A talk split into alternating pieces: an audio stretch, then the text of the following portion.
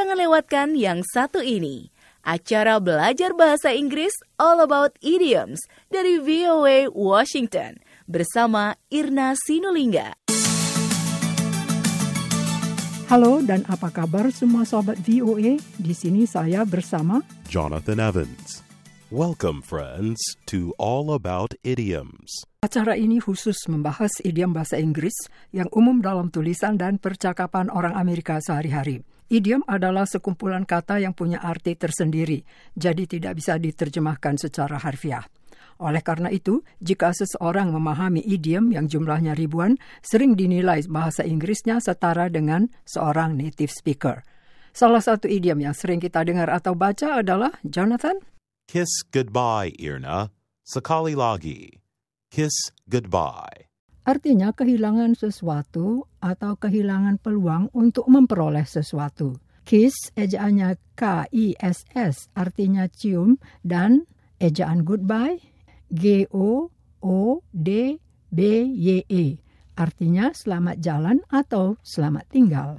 Secara harfiah, arti kiss goodbye adalah memberi ciuman selamat tinggal atau selamat jalan. Tetapi jika seseorang atau benda kita kiss goodbye, berarti orang atau barang itu terlepas dari tangan kita dan kita harus menerima fakta ini karena tidak bisa berbuat apa-apa lagi. Contoh berikut akan memberi gambaran jelas akan maksud idiom kiss goodbye yang terkait dengan uang. Joe, don't ever loan money to that guy Benny. Two years ago, I loaned him $300 and he's never paid back a single penny. I ended up kissing my money goodbye. Artinya, Joe, jangan sekali-sekali pinjamkan uang kepada si Benny itu. Dua tahun lalu, dia meminjam uangku 300 dolar. Dan sampai sekarang, satu sen pun tidak dipulangkannya.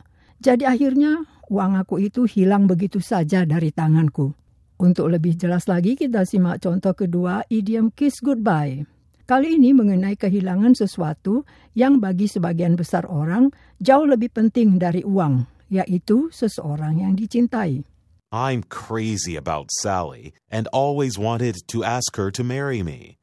But she just told me she's marrying someone else. It's the worst day of my life.